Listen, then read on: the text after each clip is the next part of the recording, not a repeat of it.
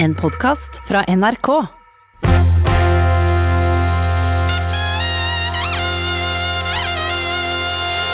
Påskelabyrinten.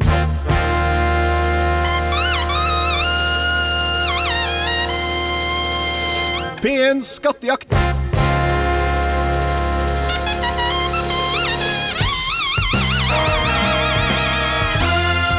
Riktig god formiddag og velkommen til den andre etappen av årets påskereise. Påskegeneral Viggo Valle er klar, og vi skal altså ha ei reise som altså er fullstendig smitte- og risikofri. Men før vi tar fatt på selve reisa, et par kommentarer på henvendelser vi har fått omkring gårsdagens oppgaver. For det første, mange har gjort meg oppmerksom på at dagens ordfører i Rauma het Yvonne Wold fra SV. Men oppgaven i går dreide seg jo om da Veslemannen raste ut, og det var den 5. september i fjor, altså før kommunevalget. Og da var altså Lars Olav Hustad fra Høyre Raumas ordfører. Yvonne Wold slapp til først eh, etter valget og etter at man hadde konstituert eh, kommunestyret i Rauma. Og så sa jeg i tilknytning til Fagn restaurant i Trondheim, som har ei stjerne i Michelin-guiden, at Maemo hadde to stjerner, og i alt var det åtte restauranter som har én eller to stjerner. Det er feil. Det riktige er at Renault i Stavanger har to stjerner. Maemo har ingen. Og at det i alt er elleve restauranter i Norge som har stjerne i Michelin-guiden. Så har vi jo en nettlabyrint som du sikkert har oppdaga på nettet på nrk.no. Der kan du ta labyrinten helt og holden på egen hånd og akkurat når du vil, og så trekker vi ut vinnere etter hvert som får T-skjorte når påska er over. Så hvis du har lyst til å delta i den, så må du bare gå inn på nrk.no. Men ikke gjør det nå, vent til radioprogrammet er ferdig. Og så kan du følge sendinga vår live på nettet på nrk.no, alltid sammen. Der finner du altså levende bilder fra påskelabyrinten. Men la oss nå komme i gang med reisa. I går så klarte altså Arne Mæland fra Brumunddal seks oppgaver og tatt ledelsen i årets labyrint. Men så Trude Sofie Antonsen klarte fem før tida eh, rant ut for oss i går. Men du er jo selvfølgelig med oss videre i dag, eh, Trude. Velkommen tilbake. Takk for det. Jeg er med dere. Hva har du gjort siden i går? Nei, jeg har nå sittet og sett igjennom kommunevåpen og sovet med et atlas under puta i håp om at det skulle sive inn litt kunnskap. ja, det spørs om det hjelper. Vi får nå se. Du klarte altså fem reisemål i går, og vi stoppa i Ryfylketunnelen. Vi fikk ikke snakka så mye om den eh, praktfulle tunnelen før vi måtte gi oss eh, pga. at eh, tida gikk ifra oss. Har du kjørt gjennom den tunnelen sjøl? Nei, jeg har ikke det, men nå har jeg jo da funnet ut og sett på kartet hvor den er henne. Ja. Eh, og den er vel ikke så langt unna Tau? Nei, for så vidt så kommer du jo, når du kjører inn i tunnelen på Stavanger-sida, som der heter mm. Hundvåg. Der, eh, det var jo det som var sikta til i oppgaven, at det var navn eh, etter et kjæledyr. Og så kjører du gjennom denne tunnelen eh, som altså er 14 400 meter. Og så kommer du opp på Ryfylkesida, som er en, omtrent en kilometer nord for Solbakk i Strand kommune i Ryfylke. Som jo har ei ja. visegruppe som du kanskje har hørt på? Ja, hvordan er det? Ryfylke visegruppe. Ja, var en litt, som var populær for, for noen år siden. Jeg tror de eksisterer fortsatt, men nå har de vel skifta ut visegruppa og kaller seg bare Ryfylke, tror jeg. Men jeg ser at jeg er i nærheten av Tau også. Jeg har i hvert fall jobba på ei ferge som heter Tau. For det at vi fikk sånne forsterkninger da jeg jobba på, på, den eneste ferga som går på en europavei. Ok. Det vet sikkert du hvor er. Ja, det må jo være E6 Bognes-Skarberget. Ja. ja. Så ja, det, jeg har Ja. Det skulle bare mangle. den har jeg tatt mange ganger. Den er veldig fin. Men vi fikk ikke snakka noe om det, det sjøl i, i, går, Trude. Hva er det du holder på med sånn til daglig? Du bor jo i Oslo og er fra Lødingen Vestbygd, vet vi, opprinnelig. Ja. Nei, jeg eh, jobber som skuespiller, så da er det absolutt eh, en fordel å bo i Oslo, sånn at man er tilgjengelig når det skjer ting. Ok, Er du ansatt ved et institusjonsteater? Nei, jeg jobber frilans. Jaha. Så det er, jo, eh, det er jo alltid litt nervepirrende, og særlig i de eh, her tidene nå med korona og alt. Men eh, vi er jo vant til å være klar over at vi må gå en stund uten å nødvendigvis ha inntekt og sånn. Så ja, fortsatt har jeg is i magen. Du må sette tæring til næring selvfølgelig da. Mm. fall i disse ja, tider. Ja. Hva skulle du ha gjort hvis ikke koronakrisen har ramma oss? Hadde du hatt, hadde noen planer? Ja, jeg skulle jo ha dubba noen TV-serier, og så eh, ja, er det noen prosjekt jeg ikke kan snakke så mye om. Så det kan jo fortsatt hende at det blir noe av. Ja, det er hemmelig, Eh, skjønner jeg.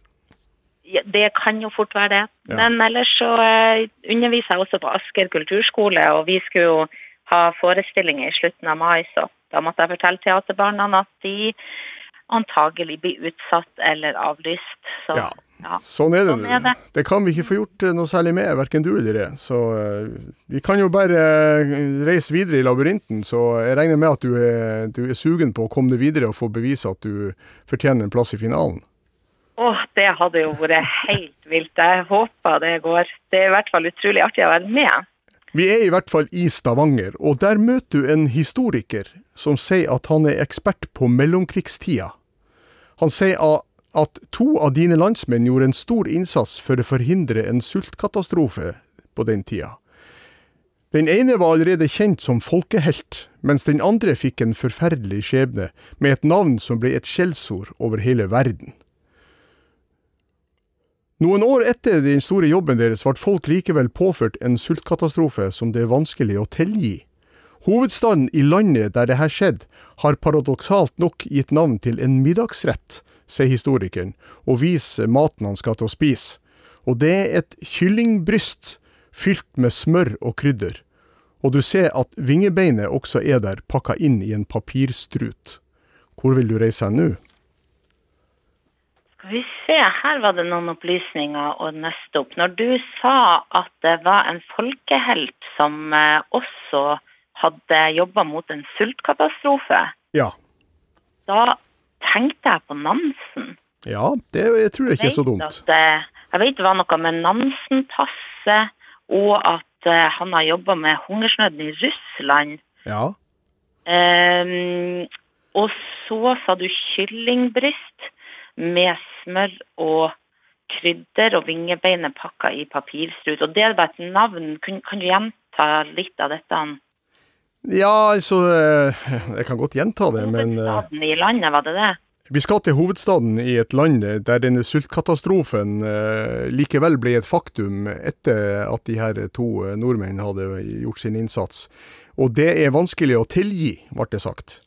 Og vi skal til hovedstaden i det landet der det her skjedde, som paradoksalt nok har gitt navn til en middagsrett, altså mat, som var et kyllingbryst fylt med smør og, og krydder.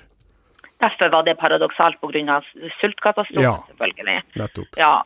Altså, jeg tror jo også, Du nevnte jo at det var et uh, skjellsord. Da tenker jeg jo på Quisling. Ja, det er helt Så korrekt. hvis det var Nansen og Quisling og uh, sultkatastrofen Men det kan antagelig så tenker jeg at vi skal uh, kanskje til Ukraina. Nærmere bestemt.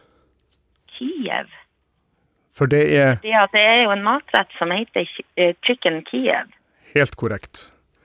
Og Kiev, hvilken posisjon har Kiev i Ukraina? Nei, det er vel hovedstaden. Ja visst er det vel det. Ja.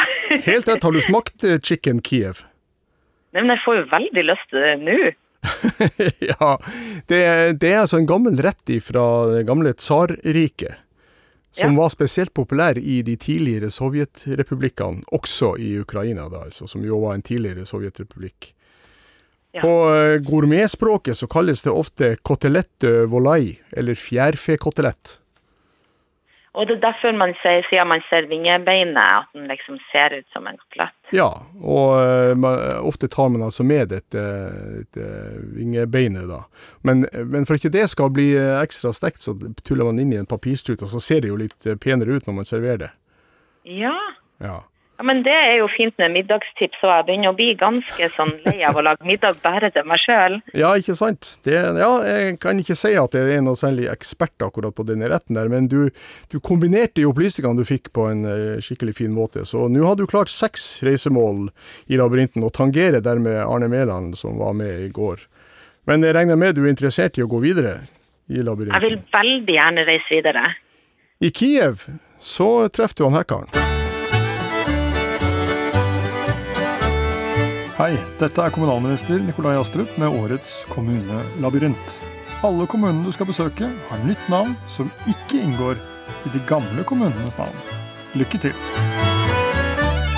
Nå går ferden til en kommune som er sammenslått av to kommuner, der den ene måtte gi fra seg et område også til en tredje kommune. Kommunen fikk navn etter et sentralt område i et tidligere fylke som delvis har beholdt sitt navn. To vassdrag i kommunen renner gjennom daler mot en stor sjø. Det ene vassdraget har navn som minner om et mytisk og ukjent vesen. Det andre har samme navn som det i Gudbrandsdalen, der småguttene lurte andre mytiske vesen med å stjele øyet fra dem. Her finner du sterke instrumentmakertradisjoner og folkemusikk. Han som ville at alle skulle skaffe seg en hobby, og som starta et eget sesongland, han er herifra. Og han er herifra han som skaffa medalje til de svart-hvite to ganger, og som nylig lot seg friste av hovedstadens blårøde. Kommunevåpenet viser tre gull musikkredskap på blå bunn.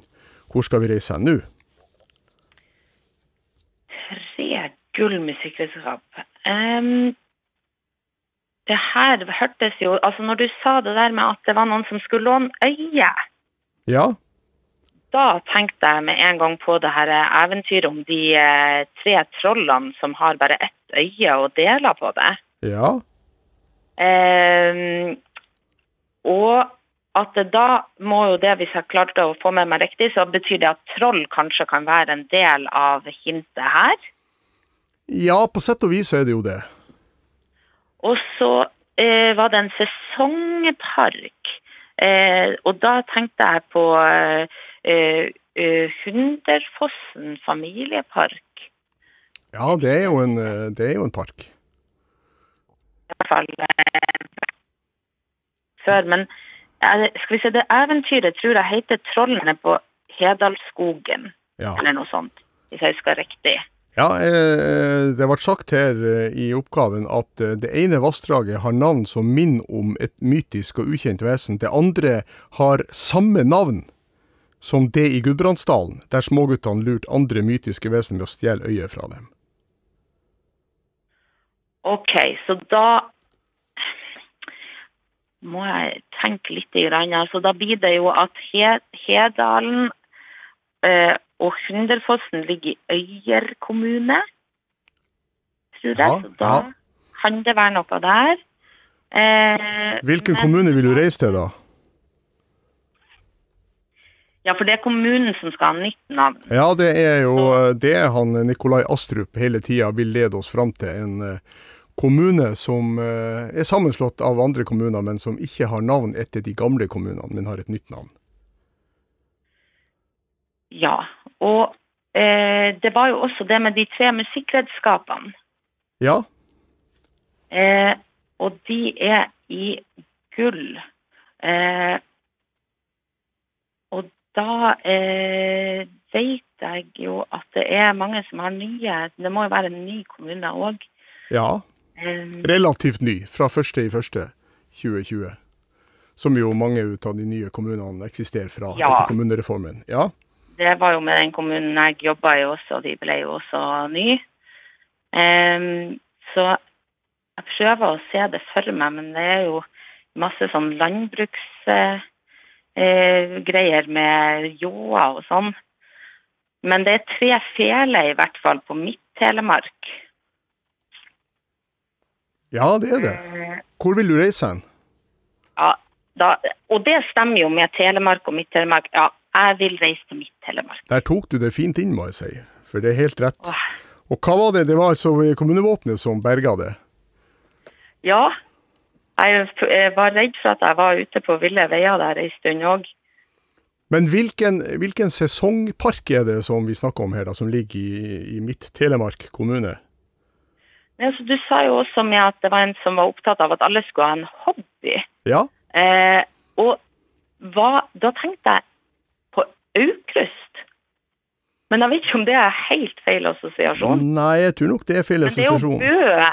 Ja. Altså, jeg lurer på om det må være Det må jo være sommerland i dag? ja, visst er det det. Og eh, Der en av initiativtakerne heter Halvor Kleppen, og han leda et TV-program som heter Hobby på NRK tidlig på 80-tallet. Ah, det var linken. Ja. OK.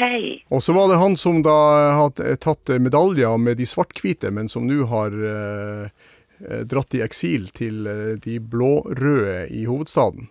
Hvem er det? Det er en, høres ut som fotball, i hvert fall. ja, det er en fotballtrener. Så svart-hvit er det Rosenborg. Nei, Nå er jeg litt Nei. eh, på dypt vann her, altså. det er Odd vi snakker om. OK. Og det er Dag Eilef Fagermo som var trener for Odd da de tok bronse både i 2014 og 2016, men som ble ansatt som trener for Vålerenga foran årets sesong. Men de har jo dessverre ikke, i likhet med alle andre i, i toppdivisjonene, våre, ikke kommet i gang med sesongen ennå, dessverre. Og så sa du eh, det at eh, kommunevåpenet er tre gull hardingfele, og det er jo fordi at det er en ganske sterk felemakertradisjon og folkemusikktradisjon i denne kommunen, som jo egentlig er sammenslåing av Bø og Sauherad. Mens eh, eh, kretsene Angar og Juksebø i Sauherad de ble overført til Notodden kommune ved kommunereformen. Og så er jo navnet henta fra det fylket, gamle fylket som det lå i, nemlig Telemark, ikke sant? Ja. Ja, mens det har jo fått nytt navn. Det heter jo nå Vestfold og Telemark fylke. ja. Det er rart å venne seg til. Ja, men eh, det gir atskillig flotte muligheter for oppgaver i postlabyrinten, vet du. det kan jeg tenke meg. Så, så jeg har jo for så vidt eh, god grunn til å takke Nikolai Astrup og hans eh, kolleger for kommunereformen, i så måte. Men så er det jo også noen, sånn at noen reisemål forsvinner jo da. Ja. Så det jevner ut seg så der. Nei, vi har eh, kommet altså eh, sju eh, reisemål eh, inn i labyrinten for ditt vedkommende, og du har tatt ledelsen, eh, Trude. Det sier ikke jeg for at jeg skal legge ekstra press på det, men eh, du, eh, du må holde konsentrasjonen oppe, for i Bø så møter du en bibliotekar som snakker dansk. Hun vil ha det til å reise til ei øy som vi helst vil glemme for det som foregikk der, da hennes og dine landsmenn holdt til der med en ganske skjetten geskjeft. Øya ble sammen med to andre hellige øyer solgt til et mer nærliggende land for vel 100 år siden. Og denne øya som vi skal fram til, altså, har to byer med navn etter de to kongenavnene som veksla om styringa helt fra 1400-tallet og fram til i dag. Den eldste byen er hovedstad på øya. Og navnet stammer fra en kjent italiensk oppdager som kalte den opp etter et kristent torturredskap og symbol, og er det eneste sted i eierlandet som han faktisk besøkte. Hvor skal vi reise nå? Altså, et kristent tortur, torturredskap, det høres jo ut som noe som kan være ganske aktuelt i disse tider. Ja, absolutt. Da tenker jeg jo på, på korset, Ja, eh, som Jesus eh, ble torturert på. ja. Så eh, det, da tenkte jeg både på eh, eh, Aller først så tenkte jeg, jo, tenkte jeg på Korsika, men så eh, var det det med at det, det var to navn, og at det var ei hellig øy. Ja. Eh, og det er jo også eh, Sant Croix, eller hvordan man uttaler det på fransk, er ikke så god på det. ja. Eh, Si det en gang til, så skal jeg eventuelt korrigere det. Sant Croix, Sankt Saint-Croix, ja. ja, var det Ja da, det er riktig? uttalt. Det er et, fra, et fransk navn. Hvor ligger Saint-Croix? Vil du reise dit, forresten? Ja, jeg, jeg, jeg tar sjansen på å reise dit. Ja, og hvorfor skal vi dit? Altså, sankt er jo i hvert fall det som Det betyr jo hell- hellig. Ja, Eh, og så eh, er det jo eh, da i det karibiske hav eh, er jo da Santa Cruz Jeg vet ikke om det er det eh, ja det, du, er, du er inne på sporet. Hva, hva betyr croix på fransk? Det betyr kors. Ja, nettopp. Og det var det vi- som var dette torturredskapet i, i kristen Ja. sammenheng. Ja da. Saint-Croix ble nemlig oppdaga av Christoffer Columbus i eh, november i 1493, og han døpte Santa Cruz, det hellige korset, altså. Men det var det eneste sted som Columbus var i land i eh, det som i dag er United States of America, for det her tilhører nemlig USA. Men Ja. hva var dette her med denne danske bibliotekaren som sa at de ville helst eh, glemme at de hadde hatt dette her som besittelse pga. en skitten geskjeft? Jeg, jeg er ikke helt sikker, men jeg har i hvert fall akkurat hatt det her spørsmålet på quiz fordi vi fikk spørsmål om hva som dansk Vest-India, hva det heter nå. Ja, Det er jo American eh, Virgin Islands. riktig. Så jeg kan jo tenke meg at dette her handler om slavehandel. Ja, det er akkurat det som er poenget. Her blir det altså frakta slaver fra, i, i skipsfart fra Afrika til eh, Amerika, da. Og det var det norske sjøfolk som sto bak, fordi Norge var sammen med Danmark på den tida her. Det var ikke særlig eh, Det er ikke noe særlig å være stolt av, akkurat det at vi har vært med på eh, slavehandel og slavetrafikk. Nei, men jeg syns jo det er bra at vi, får, at vi får det frem, for det er jo lett å tro at eh, ja, vi er bedre enn andre. Og, Det har du rett i. Det har du rett i. Hva het de to kongene som uh, veksla med samme navn eh, på den tida her? Um, Danske konger, dansk-norske Ja. konger. Uh, altså Jeg vet i hvert fall at det er noen gater fortsatt uh, der som heter Fredriksted og Kristiansted, uh, eller nei, noen byer. Så kanskje det er Kristian og Fredrik de Nettopp. heter da. Det heter jo alle kongene opp i den tida. De heter Kristian Ja. og Fredrik med vekselvis, da. Og hovedstaden på øya St. Croix, Kristiansted, var grunnlagt i 1733, oppkalt etter han vi kaller Kristian Kvart, nei, Kristian den sjette, unnskyld, i Norge, Ja. som var eh, konge på begynnelsen av 1700-tallet. Og den andre byen, den het selvfølgelig Fredrikssted, som du sa, oppkalt etter kong Fredrik den femte, som var sønn til han Kristian den sjette. Nettopp. Det er jo litt artig at de fortsatt har liksom eh, de eh, skandinavisk-klingende navnene. Ja, og hvis du går i land på den andre øya, St. Thomas, eh, som tilhører US Virgin Islands, Charlotte Amalie, som jo er oppkalt etter, etter dronninga, så finner du gate der det står gate på dansk. G-A-D-E. Ja. Så det er litt spesielt. Nei, vi kom altså fram til riktig sted i Karibien, i St. Croix. Og der, skjønner du, så går vi forbi et fjernsynsapparat. Og hva gjør du da, Trude? Og da ser jeg på det fjernsynsapparatet om det er noe jeg kan slå det på med, eller om det står på.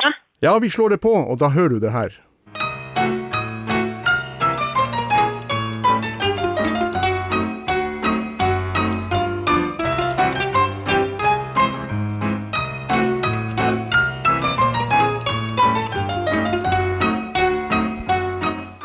God kveld. Her står jeg da høy, mørk og slank. Og det er en glede for meg å kunne ønske dere alle sammen velkommen. I denne programserien skal vi ta sikte på å gi svar på, et, på en av livets store uløste gåter, nemlig hva er humor? Hvor skal vi reise hen nå, Trude?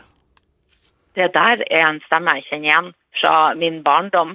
Eh, Jaha. jeg kjente ikke igjen musikken, men han snakka om humor. Ja, Og, eh, og jeg, jeg lurer på om det er rorbua hvor ligger den hen? i, i Tromsø. Den ligger i kjelleren på et bygg der. Den lå i hvert fall det. Ja. Ja, det er helt korrekt. Og hvem var det han, han som snakka her? Åh, nei, jeg skulle til å kalle han Tore Strømøy, men det er det jo ikke. han. Nei, han er en, en annen Tore. Tore Skoglund, Ja, noe sånt. Det var Tore Skoglund som eh, leda eh, programserien eh, Du skal høre mye fra Rorbua i Ja. Tromsø fra 1987, og det er vel antagelig tilhører vel din barndom, vil jeg tro. Det gjør det. Jeg husker jeg prøvde å se på det, selv om det var litt voksenhumor innimellom. Men noe Ja. Mossa var artig, og det var jo også noe med den representasjonen og faktisk for å se at eh, man kunne vise nordlendinger i beste sendetid. Ja, ikke sant? Den holdt altså på i 17 år, denne serien, fra 1987 til 2003, med puben Rorbua i Tromsø som var sendested. Og han som spilte piano, som du hørte her i innledningen av Ja. denne vignetten, han heter Trond Myhre. Ja, det husker jeg. Han hadde, hadde ikke han krøller? Jo, det har han vel fortsatt antagelig. ja. Så hadde de en figur der som ble spilt av eh, Ingrid Evertsen, som var litt sånn, sånn eh, renholdsdame der, tror jeg. Hva slags eh, navn hadde hun, husker du det? ja, det var Mossa. Det var Mossa, ja. Stemmer det. Ja, eh, Rorbua ble altså åpna i 1972, eh, i kjelleren, som du sa, på Sentral hotell i Tromsø. Så flytta de en etasje opp da i 1974. Men i 2011 så flytta rorbua til nye lokaler på Holmbobrygga, like ved Radisson Blue hotell i, eh, i eh, Tromsø, med uteservering. Så det er fullt mulig å ta seg en tur dit hvis man ønsker det, men eh, kanskje ikke akkurat nå. Nei, det er vel litt reiseforbud ute og går. Men jeg har vært der, i hvert fall. Ja, og så vil jeg vel tro at uh, rorbua er stengt akkurat i, i disse dager, da. Ja. Nå skal jeg bare kontrollere med Eivind Motland, som er produsent, om hvor mange oppgaver han har notert at du har klart. Jeg har eh, notert ni, og det har han også. Han viser med ni fingre nå, så det her går jo strålende, jeg. Ja, men det, var, det er så deilig når man får noe man kan svare på, for jeg blir litt svett her. Ja, ja, ja, det er sånn. Og så må jeg jo minne alle som hører på, det at eh, dere sitter og hører på en digital mottaker, enten det er en DAB-radio eller TV-en eller nett eller hvor det er hen. Mens eh, hun eh, Trude og alle andre skattejegere som er på lufta hos oss, de får alle opplysningene på telefon. Så de har et bitte lite handikap akkurat der, for kvaliteten er jo ikke den samme på ei telefonlinje som det er på, på radioen eller TV-en. Men vi reiser altså fra Tromsø til Trondheim, tenkte vi denne gangen. Og da kjører vi E6. Ja. Ja. Og så skal du kjøre østover inn på en annen europavei når du har kjørt en stund. Og nå blir du bedt om å skru tida 30 år tilbake og lese de grønne skiltene langs veien. Tall, tallet pluss 61 er her viktig. Nå finner du den veien som i dag har sånne skilt, og så kjører du helt fram til byen ved det nordlige endepunktet. Byen ligger lenger mot ei anna himmelretning enn noen annen i vårt land. Så jeg kjører fra Ja, vi skal ta det, vi skal ta det en gang til, for her er det om å gjøre å være, ha tunga beint i munnen. For vi drar fra Tromsø til Trondheim, så starter vi der. Og vi starta i Trondheim. Ja, okay. og så kjører du E6 nordover. Eller, det vil jo egentlig si at du kjører litt østover. For E6-en går østover fra Trondheim, faktisk. Og ved første anledning så svinger du enda mer øst, inn på en annen europavei. Og nå blir du bedt om å skru tida 30 år tilbake og lese de grønne skiltene langs den veien. Og tallet pluss 61 er her viktig. Nå finner du den veien som i dag har sånne skilt. Og så kjører du helt fram til byen ved det nordlige endepunktet, som ligger lenger mot ei anna himmelretning enn noe anna by i vårt land. Altså, grønne skilt, da tenker jeg jo at det er europavei. Ja. For det, det bruker jo å stå E6 og sånn, det står jo eh, eh, med grønne skilt. Og hvis jeg er på E6 og så skal ha pluss 61 Ja, husk at du skal ta, med, ved første anledning skal du svinge østover. Nettopp, så da tar jeg inn på en annen europavei. Ja. Og er på eh, Jeg lurer på om Hvilken europavei er du på da? går på Skal vi se Nei, eh, jeg blir redd for å si feil. Men eh, kan det hende at det blir eh, eh, europavei eh, 75? Og hvor havner du hen da, hvis du skal kjøre til dens endepunkt? Nei, altså jeg tenker at vi er vi helt oppe i Finnmark. For det at hvis det var østlige punkt, så er vel det, er vel det østligste punktet i, Eller det sa du kanskje ikke at det var øst, men i hvert fall i landet så, så ligger jo eh, Ja, er det Vardø eller er det Vadsø som ligger lengst mot, mot øst? Ja, hvor vil du reise, hvor vil du reise hen? Jeg må ha et svar hos deg.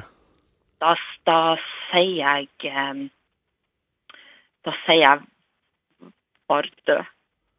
Helt riktig.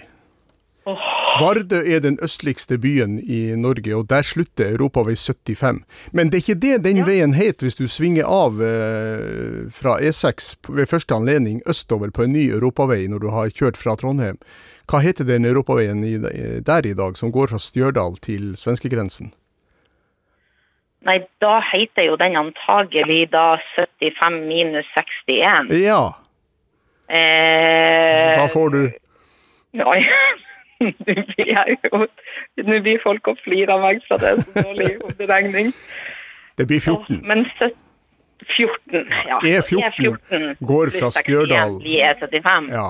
E14 går fra Stjørdal i krysset ved E6 og fram til svenskegrensen. Og den het da, for 30 år siden, så het den E75. Ah, er det sånn? Det er det som er vinkel. Sånn henger det sammen, vet du. Og det, dagens E75 den ender jo opp til slutt opp i eh, Vardø. Ja. Ja, som er Norges østligste by, som du, er, som du var inne på. Jeg må lære meg en eller annen huskeregel, så jeg ikke blander Vardø og Vadsø. Det er jo, Jeg vet jo at det er to helt forskjellige byer langt imellom dem. Ja, det er sju og en halv mil eller noe sånt mellom dem. Og du passerer eh, gjennom Vadsø når du skal kjøre den Europa Europavei 75 til Vardø. Ja. Men du er på samme, du er på samme halvøya, da. For så vidt. Ja. Varangerhalvøya. Ja, vi drar til Vardø, og der får du beskjed om å snu og kjøre på samme veien nesten så langt sør du kommer. I den byen du skal til nå, starta ei sjøreise med vinlast ca. 560 år før europaveiene bytta navn. Og sjøreisa den gangen endte med skips, skipbrudd, men ble en av de eldste historiske dokumentasjoner om folkeliv og næring i vårt eget land, takka være den venetianske skipperen som skrev ned alt mannskapet opplevde på ferden. Og den byen du skal til, er hovedstad på ei øy, og besøkes normalt sett av veldig mange skandinaviske tilbedere av Helios, men nå kommer de som regel luftveien. Ikke akkurat nå med koronakarantene, men, men sånn til vanlig. Hvor skal vi reise nå? Altså, Helios er i hvert fall eh, sol. Ja, Eh, eller solguden, kanskje. ja, Så det må være noen eh, soltilbedere, og norske Ja. soltilbedere er jo i hvert fall veldig glad i å reise til eh, Syden, som vi kaller det. ja. Og Det har du rett så sa du at det var ei, ei øy, Ja, og eh, at det er hovedstaden på den øya. ja. Eh, Hallo? Ja da, ja da. Ja. Jeg gir deg helt rett i det. Resonnementet ditt er helt korrekt så langt. Og så er det et skipbrudd som en venetiansk sjømann har skrevet ned alt de opplevde. Ja. Eh, den var sånn jeg lurer på om det er noe litteratur, eller om det er reelt. Det er reelt. Men jeg lurer på om, eh, om vi skal til Kreta. Ja, kanskje det. Og hva heter hovedstaden der?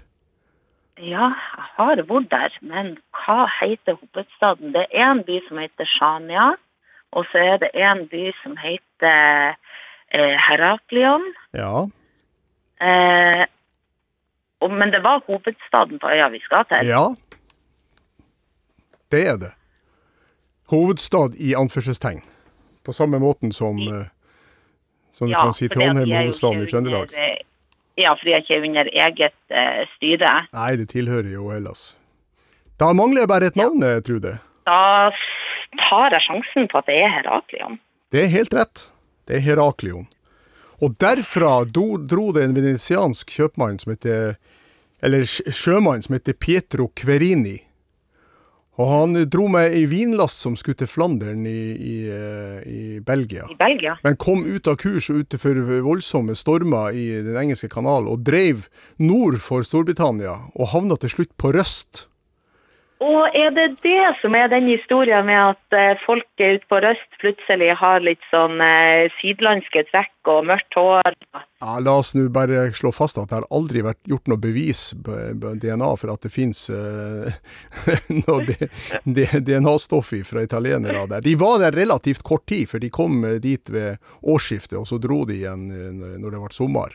Så de rakk vel ikke å forplante seg så veldig mye akkurat, det tror jeg. Men det har, og det har ikke vært, funnet noe særlig eh, arkeologiske spor. Men vi har denne beretninga til Pietro Querini som han skrev ned, og som da ligger i biblioteket i Venezia. Der han forteller nokså detaljert om hvordan lofotingene oppførte seg på den tida, hva de levde av, og hva de holdt på med, og, at de var ganske fordomsfri. De tok veldig godt imot eh, mannskapet til han eh, og ga de både husly og mat, og mer te, som du eh, Det er antyder. godt. Ja. Du antyder jo litt at de fikk litt mer enn bare hus og husly og mat. Amen. han skrev altså ned opplevelsen i Paradisets første krets, som er oppbevart i Vatikanets bibliotek, faktisk. som er den eldste historiske dokumentasjonen fra vårt eget land. Og så er det altså sånn at E75 den går da nedover hele Europa og ender opp på Kreta, på en by som heter Sitia, helt øst på Kreta. Og da passerer du akkurat gjennom Heraklion for å komme dit.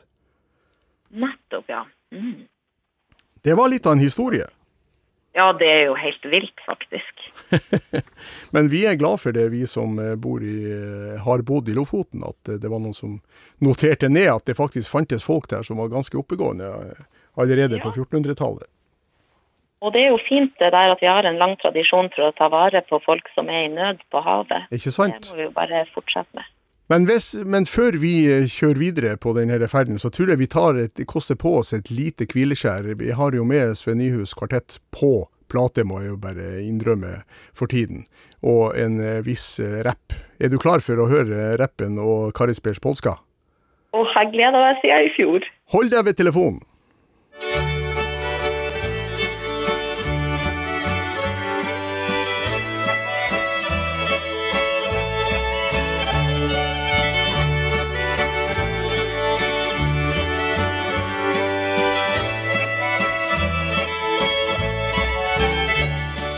Har du hørt at P1 har en jakt for lyttere som har påskevakt på påskefjellet? Har de radio med seg brakt, og telefon kom som ekspressfrakt. Den har de jo ikke satt fram skakt, for nå skal de sette ut i makt alle de planer som ble lagt den gang. De inngikk en pakt før de på frokosten har smakt og spist av de brødene som ble bakt. Kler de på seg en skattejaktdrakt, man må jo vise seg i all sin prakt. Man finner fram en høretrakt, setter seg ned i full andakt og tar imot det tilbud man blir rakt. Her skal det ikke bli noe slakt, de slutter med nummeret i takt. 8, 15, 2, 10, 3, 1 har jeg sagt.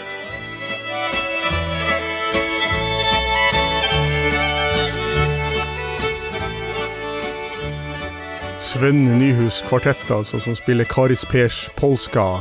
En kvartett som uh, runda 50 år faktisk i fjor eh, sommer. Dessverre så er jo noen av eh, de medlemmene i kvartetten i gangen gått bort. Men Sven Nyhus han er still going strong, det kan jeg si det. Og her hørte du altså telefonnummeret til oss er 815 21 031.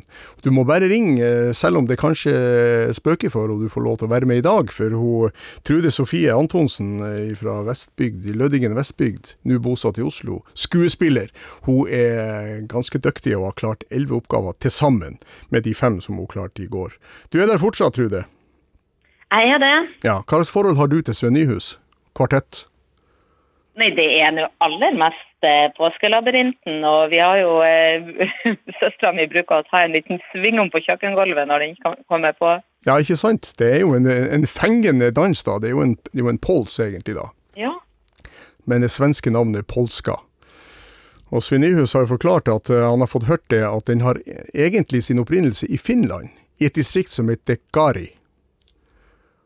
Gari. Og da er det det altså det en Per da som bor i Kari, som da har fått navnet Karis Per. Og det er hans polska, så da blir det Karis Pers polska. OK. Gjort kjent egentlig i Norden av eh, brødrene, brødrene Lindqvist i Sverige, som har spilt den inn på plate først, og så kom da Sven Nyhus og kvartetten hans med den i, på 80-tallet. Vel, vel. Vi er altså kommet elleve punkt inn i dag. I, eh, vil si, vi har klart seks for ditt vedkommende i dag, jeg tror det. Med de fem du hadde i går, så blir det elleve til sammen. Og vi er kommet til Heraklion på Kreta. Og her, skjønner du, så hører du følgende.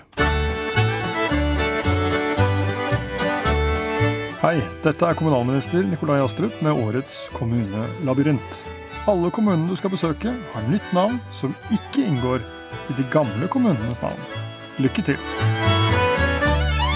Nå går veien til en kommune sammenslått av to kommuner som ikke er naboer, med et navn etter ei øy uten bilvei. Begge de to administrasjonsstedene som ligger ti mil fra hverandre, har hurtigruteanløp to ganger om dagen. På det ene av dem falt den eh, berømte kompanisjefen i romjula for nesten 80 år siden, og i det andre ble han født, som fant ut hvordan fiskene vandrer, og så fikk tre forskningsfartøy oppkalt etter seg.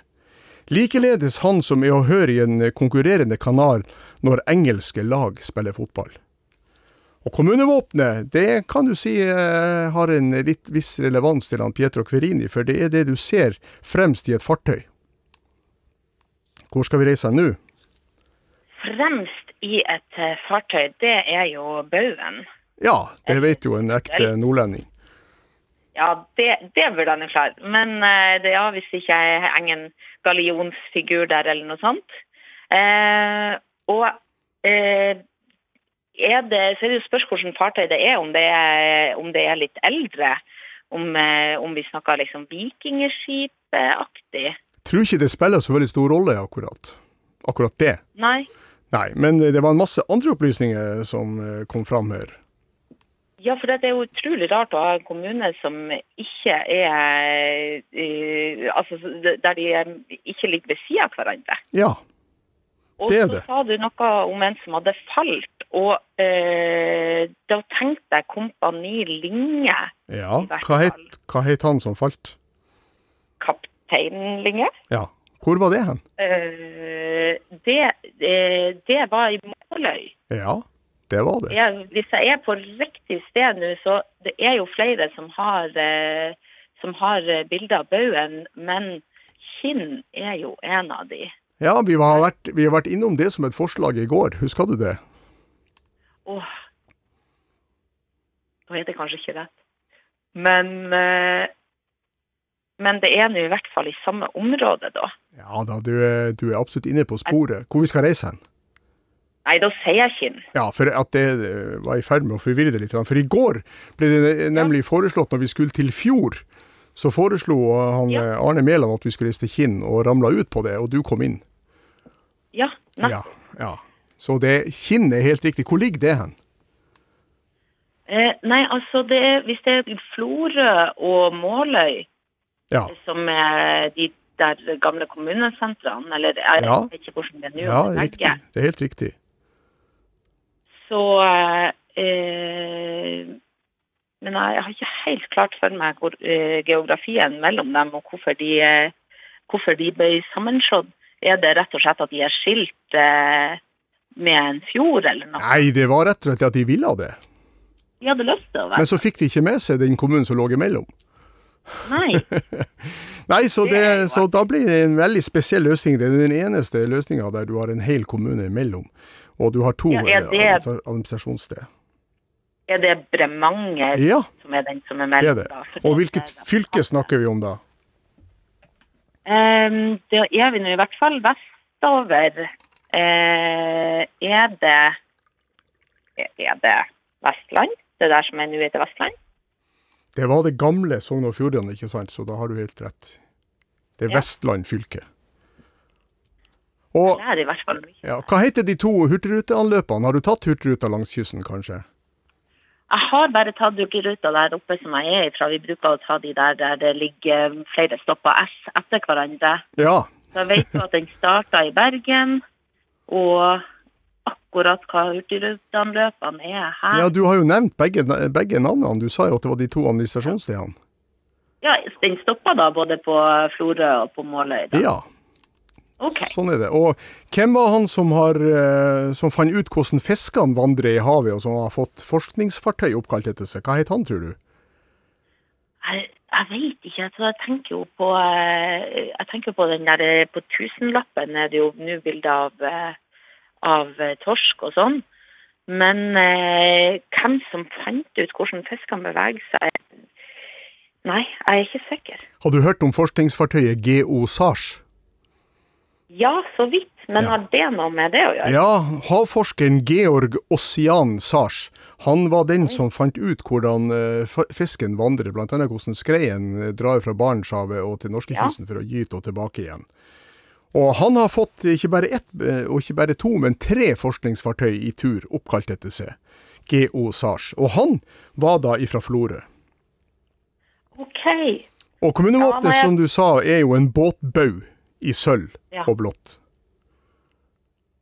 Det er jo ganske Jeg er utrolig lei meg for at jeg ikke kan være med pappa på havet akkurat nå og fiske skrei, for det bruker vi å gjøre i påsken. Han er Men, i, i Lødingen Vestbygd, han nå, da. Ja. Ja.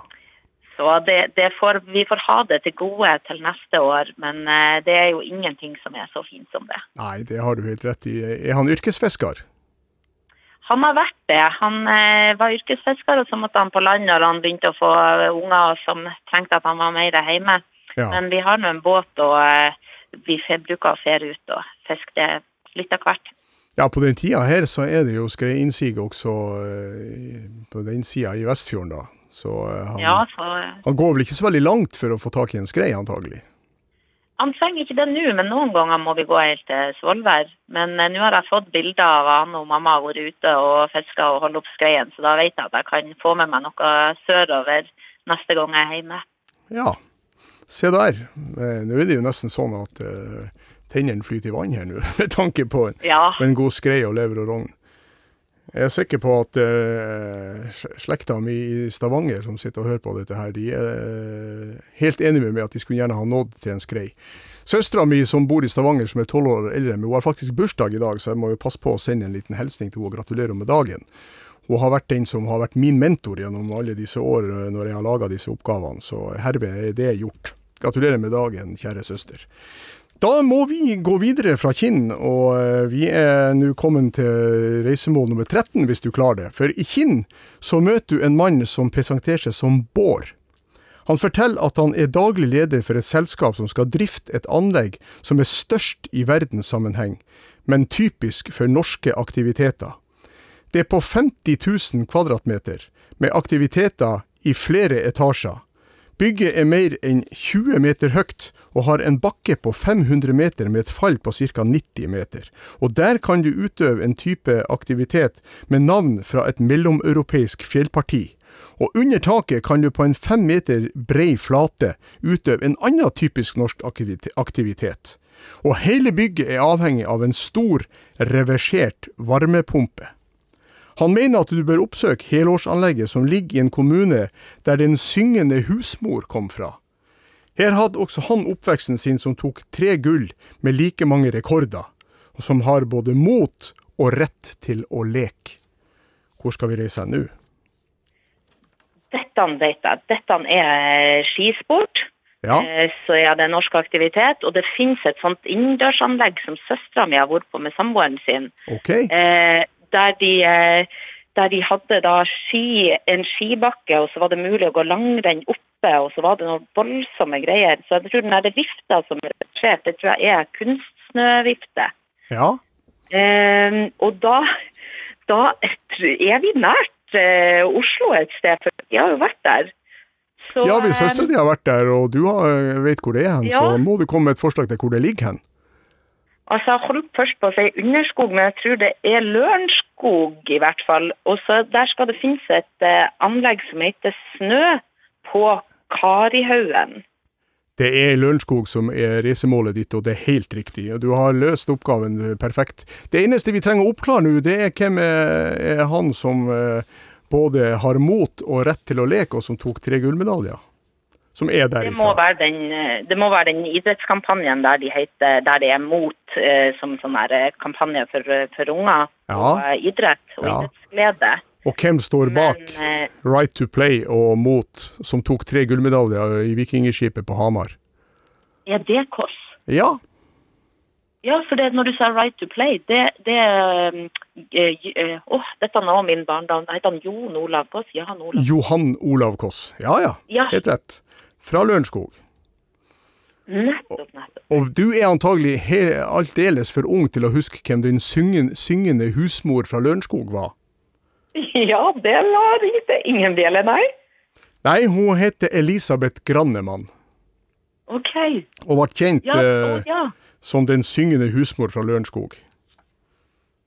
Det er et navn jeg har hørt, det er det. Ja, det skulle jo sette det på sporet, men som jeg sier, det her er jo kanskje tilpassa lyttere på min alder og de som er eldre, kanskje. Men i hvert fall så er vi eh, i ferd med å reise til Lørenskog nå, og der møter du igjen en bibliotekar. Det er ofte veldig grei å ha med seg i labyrinten. Og bibliotekaren gir deg ei bok. Hun sier at det er den første i en serie om ei jente som har navn etter morgengryets gudinne. De er skreven av en svært populær jubilant, og illustrert av mannen hennes, og den aktuelle boka er fra midten av 60-tallet og tar opp likestillingsspørsmål langt forut for sin tid. For jentas mor er utearbeidende mens faren hennes steller hjemme samtidig som han arbeider på en doktoravhandling.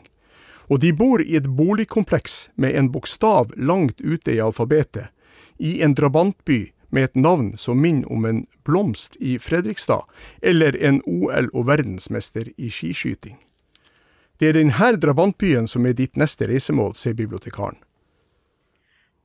Dette vet jeg. Dette er min oppvekst. Aurora, det er morgengryen. Og eh, Aurora skrev, ble skrevet av Anne-Kat. Vestli. Og hun har nå jubileum i år. Ja, Jeg lurer på om Ja, det sa du kanskje, men om det er noe sånn eh, 100 år eller 80 Ja, år siden hun ble født, eller? det er 100 år siden hun ble født. Og hun skrev de her bøkene eh, som, eh, eh, der Aurora bodde i blokksett. Det måtte Ja. jeg spørre mamma om hva i verden ei blokk var, for det hadde jo aldri jeg sett. Nei, lite blokk blokker i, i Vestbygda i Lønningen. Det er veldig lite. Ja. Men Aurora i blokksett. Men hva drabantbyen heter? Ja, du fikk noen flere, fikk noen flere tips. Eh, Det var eh, et navn som minner om en blomst i Fredrikstad, eller en OL- og verdensmester i skiskyting. Eh, Det er jo en, en blomst jeg er veldig glad i, som Nå fikk jeg en assosiasjon på det, som er eh, tiriltunge. Ja, Men jeg vet ikke hvorfor det har med Fredrikstad å gjøre. Men der kom jeg på det. Det er Tiriltoppen. ja det er det. Og Tiril Tunge, som du sa, det er Fredrikstad og Vågsøys kommuneblomst. Både Fredrikstad og Vågsøy har det som kommuneblomst. Og hvem er det som går fort på ski og, og, og skyter godt i skiskyting? Altså, eh, det må jo være Tiril eh, Eckhoff, Ja. som er, er, er, er verdensmester i skiskyting. Ja. Tiril Eckhoff. Det var helt korrekt. OL-mester òg, faktisk, er hun jo. Ja. Da, da har vi klart Jeg tror vi har klart 13 eh, reisemål, hvis ikke jeg tar helt feil. Jeg må eh, sjekke med, en- med en Øyvind. Han, han, har 14. 14 reisemål. Ja, han har ikke fingrene nok. Det er vilt. Han må ta, han må ta tærne til hjelp ut for å gi meg riktig, eh, riktig antall reisemål. Men eh, det her er Vi er i ferd med å renne ut for tida, altså, men vi klarer en, eh, en oppgave til, i hvert fall. For Ja. når du nå skal gjøre deg klar til å reise til Tiriltoppen, så stopper bibliotekaren det og gir deg den siste boka i serien på sju. Hun sier at det stedet som er modell for Fabelvik, der mor Marie ble sorenskriver, er lettere å finne i virkeligheten, for det er et sted som vi første gang hører om i Snorres kongesagaer, der kong Øystein sørga for både kirke og husvære for de som drev næring der. Kirka som står der i dag kalles katedral på grunn av størrelsen sin, for det er den, den største trekirka nord for Trondheim. Og Grønlands apostel var prest her, og her finner du galleriet for hurtigrutekunstneren som var nesten blind. Hvor skal vi reise nå? Eh, største trekirka i Norge. Nord for Trondheim. Og eh, den som var nesten blind Hva var det som Hurtigrutekunstner. Ja, jeg lurer på om vi skal tilbake til, eh, til våres, eh, eller mitt område, da. At det er, at det er Lofotkatedralen det er snakk om. Og eh, den ligger i Kabelvåg. Når du vil reise til Nei, jeg må nesten reise inn til Kabelvåg, da. Ja, da er vi i vårt felles distrikt, får vi kalle det. Vi ser litt stort på det. Ja, Kabelvåg ligger jo i det ligger i Vågan, hvis ikke det er blitt noen forandringer der. Nei, det ligger i Vågan kommune i Lofoten. Ja. Og hvem er han hurtigrutekunstneren som var nesten blind? Er det, er det han, eh, hans eget? Nei, det er han som eh, var Grønlands apostel, som var prest i Kabelvåg, og som reiste til eh, Ja. Grønland for å, å drive misjonærvirksomhet der. Men han som, er, som har sine, sine ar, arbeid på Hurtigruta, Ja, det er jo, eh, det er jo han Bolin eh, Jonsson. ja, Kåre Espolin Jonsson. Ja. Han var ganske svaksynt, og det er jo helt utrolig at han klarte å male de bildene så dårlig syn som han hadde, men han klarte nå det. Og I 1960 så ble han eh, bedt om å utsmykke et hurtigruteskip som heter Harald Jarl. Og Bildene der er jo motiv fra Petter Dass sitt liv og virke, men eh, de ble da flytta til det nye hurtigruteskipet Trollfjord i 2001, når den eh, var ferdig bygd. Har du sett de bildene på Hurtigruta? Nei, jeg, jeg Eller det kan hende jeg har sett det, men jeg, jeg husker ikke det. Vi må eh, ta det inn igjen i labyrinten i morgen, for nå må jeg si at Gudbjørn Bondhus har vært teknisk ansvarlig, og Eivind Motland har vært produsent. Vi er tilbake med Påskelabyrinten i morgen. Takk for i dag.